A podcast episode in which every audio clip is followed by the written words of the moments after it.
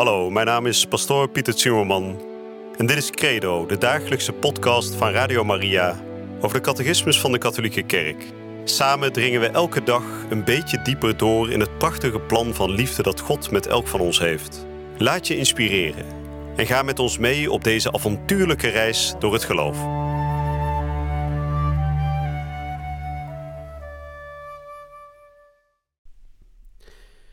Vrienden, van harte welkom terug bij weer een nieuwe uitzending van Credo.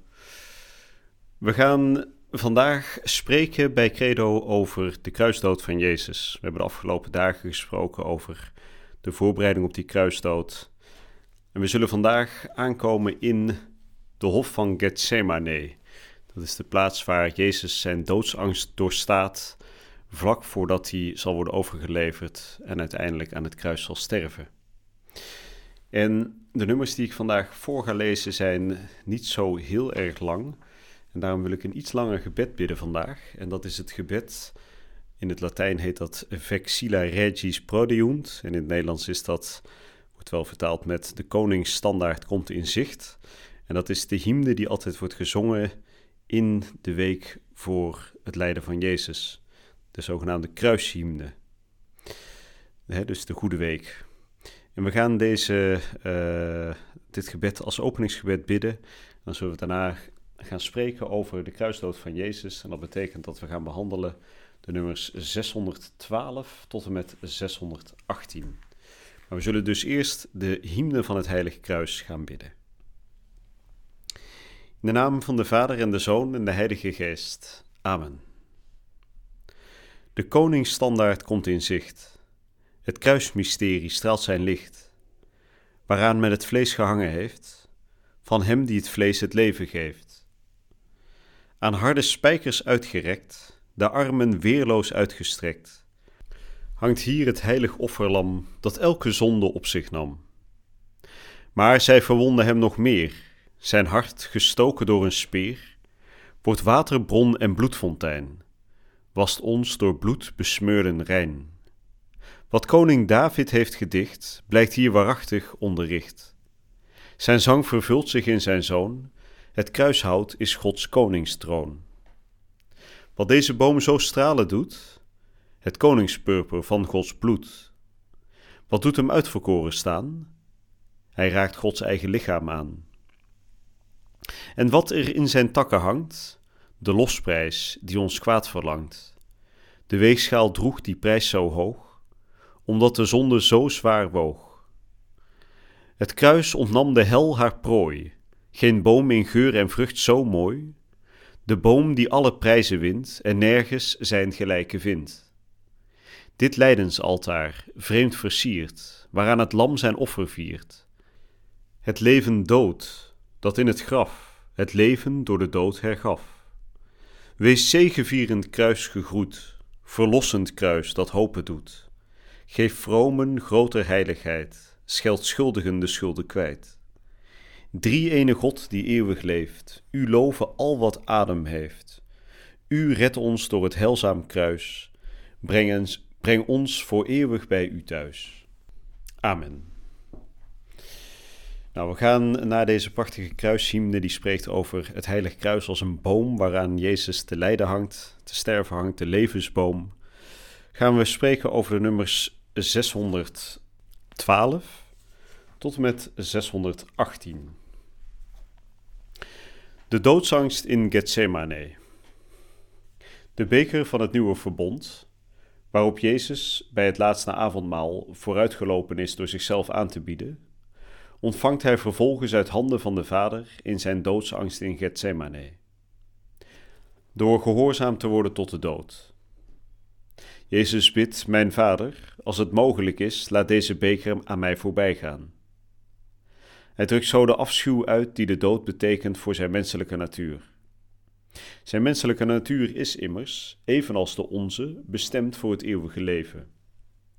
Bovendien was zij, anders dan de onze, volkomen vrij van de zonde die de dood veroorzaakt.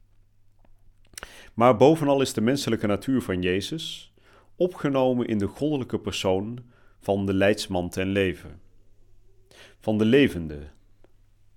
door met zijn menselijke wil ermee in te stemmen dat de wil van de Vader geschiedde, aanvaardt hij zijn verlossende dood om in zijn eigen lichaam onze zonde op het kruishout te dragen.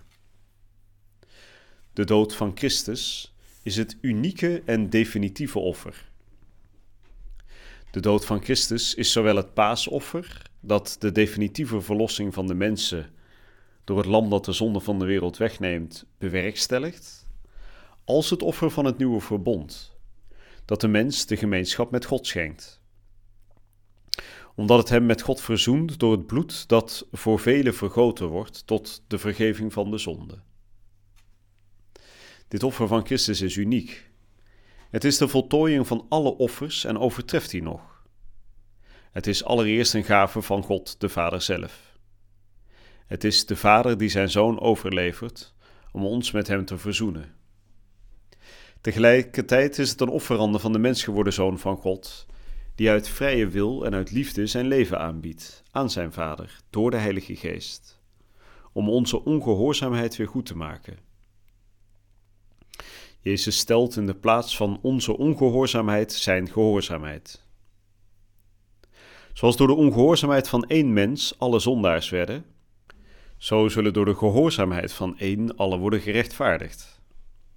Door zijn gehoorzaamheid tot de dood heeft Jezus de plaats ingenomen van de leidende dienaar, die zijn leven als een zoenoffer geeft. Toen hij de zonde van velen droeg, die hij rechtvaardigt door zelf hun zonde op zich te nemen. Jezus heeft voor onze fouten geboet en voor onze zonde aan de Vader genoegdoening gegeven. Op het kruis volbrengt Christus zijn offer. Het is de liefde tot het uiterste toe, die aan het offer van Christus zijn waarde van verlossing en herstel, verzoening en genoegdoening verleent. Hij heeft ons allen gekend en bemind in het offer van zijn leven. De liefde van Christus laat ons geen rust, sinds wij hebben ingezien dat één is gestorven voor allen. Maar dan zijn alle gestorven. Geen enkele mens, ook al was hij nog zo heilig, was in staat de zonde van alle mensen op, zich te nemen en zich als offer voor alle aan te bieden. De aanwezigheid in Christus van de goddelijke persoon van de Zoon, die alle mensen overtreft en tegelijkertijd omvat, en die hem aan het hoofd stelt van heel de mensheid, maakt zijn verlossend offer voor alle mogelijk.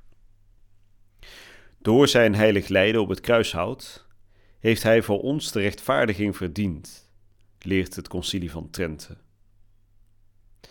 Het onderstreept hiermee het unieke karakter van het offer van Christus als oorzaak van eeuwig heil. En de kerk vereert het kruis wanneer zij zingt: Ik groet u kruis, want gij slechts zijt mijn hoop. Onze deelname aan het offer van Christus. Het kruis is het unieke offer van Christus enige middelaar tussen God en de mensen. Maar omdat hij in zijn mens geworden goddelijke persoon zich in zekere zin met iedere mens verenigd heeft, biedt hij alle de mogelijkheid om op een wijze die God bekend is, in dit paasgeheim te worden opgenomen. Hij roept zijn leerlingen op hun kruis op te nemen en hem te volgen, want hij heeft voor ons geleden. Hij heeft voor ons de weg gebaand om in zijn voetstappen te treden. Hij wil immers zelfs hen die er het eerst profijt van hebben, deelgenoten maken van zijn verlossend offer.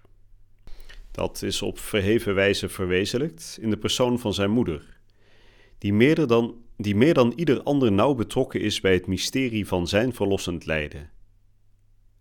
Buiten het kruis is er geen andere ladder om naar de hemel op te stijgen. Nou, dat waren de nummers 612 tot en met 618. En het eindigt net met een prachtig citaat van de heilige Rosa van Lima. Ik spreek trouwens vaker citaten uit als ik aan het voorlezen ben. Ik noem dan niet alle verwijzingen, want dat is nogal storend om dan de hele tijd te moeten stoppen. Maar u hoort vaker natuurlijk ook Bijbelverwijzingen. En dit was dus een citaat van de heilige Rosa van Lima. Buiten het kruis is er geen andere ladder om naar de hemel op te stijgen. En dat vat eigenlijk het, uh, de voorgaande nummers wel heel mooi samen. Christus, hè, die dus gekomen is om de ongehoorzaamheid van Adam, van die ene eerste mens, om die te herstellen in zijn gehoorzaamheid aan de Vader. Hè, degene die als enige zonder zonde was, namelijk Jezus, is degene die de straf, de straf op zich neemt alsof hij de grootste zondaar aller tijden was. Hè? Alsof hij alle zonden samenvat. Dus eigenlijk een soort tegenstrijdigheid, maar omdat Christus dat vanuit vrije wil en vanuit overgave en liefde doet, is het het meest verheven geheim van ons geloof geworden.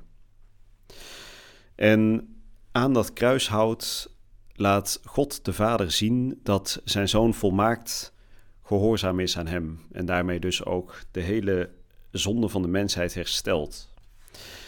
En we hebben net gehoord dat Jezus als mens, de menselijke natuur natuurlijk, wanneer hij wordt geconfronteerd met zijn eigen dood, um, ja, niet zozeer in opstand komt, maar wel um, als het ware verschrikt raakt. Hè? Dat is het moment waarop hij uh, in doods, uh, doodsangst bidt tot zijn vader in de Hof van Olijven.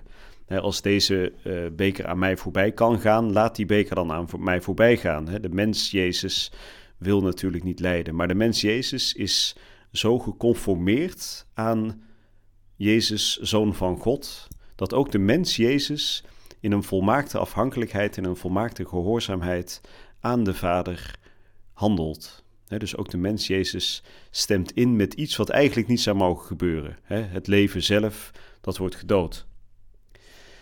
En dan wordt er geëindigd vandaag met onze deelname aan dat offer. Jezus zegt natuurlijk dat wij zelf als zijn volgelingen, als zijn leerlingen ook dagelijks ons kruis moeten opnemen. Dus op het moment dat Jezus ons is voorgegaan in de kruisdood, kunnen wij ook dagelijks ons kruis op ons nemen om zo diezelfde weg te gaan en uiteindelijk langs de weg van het kruis, langs die ladder van het kruis, zoals de heilige Rosa van Lima het noemt, ook bij Christus in de hemel te komen.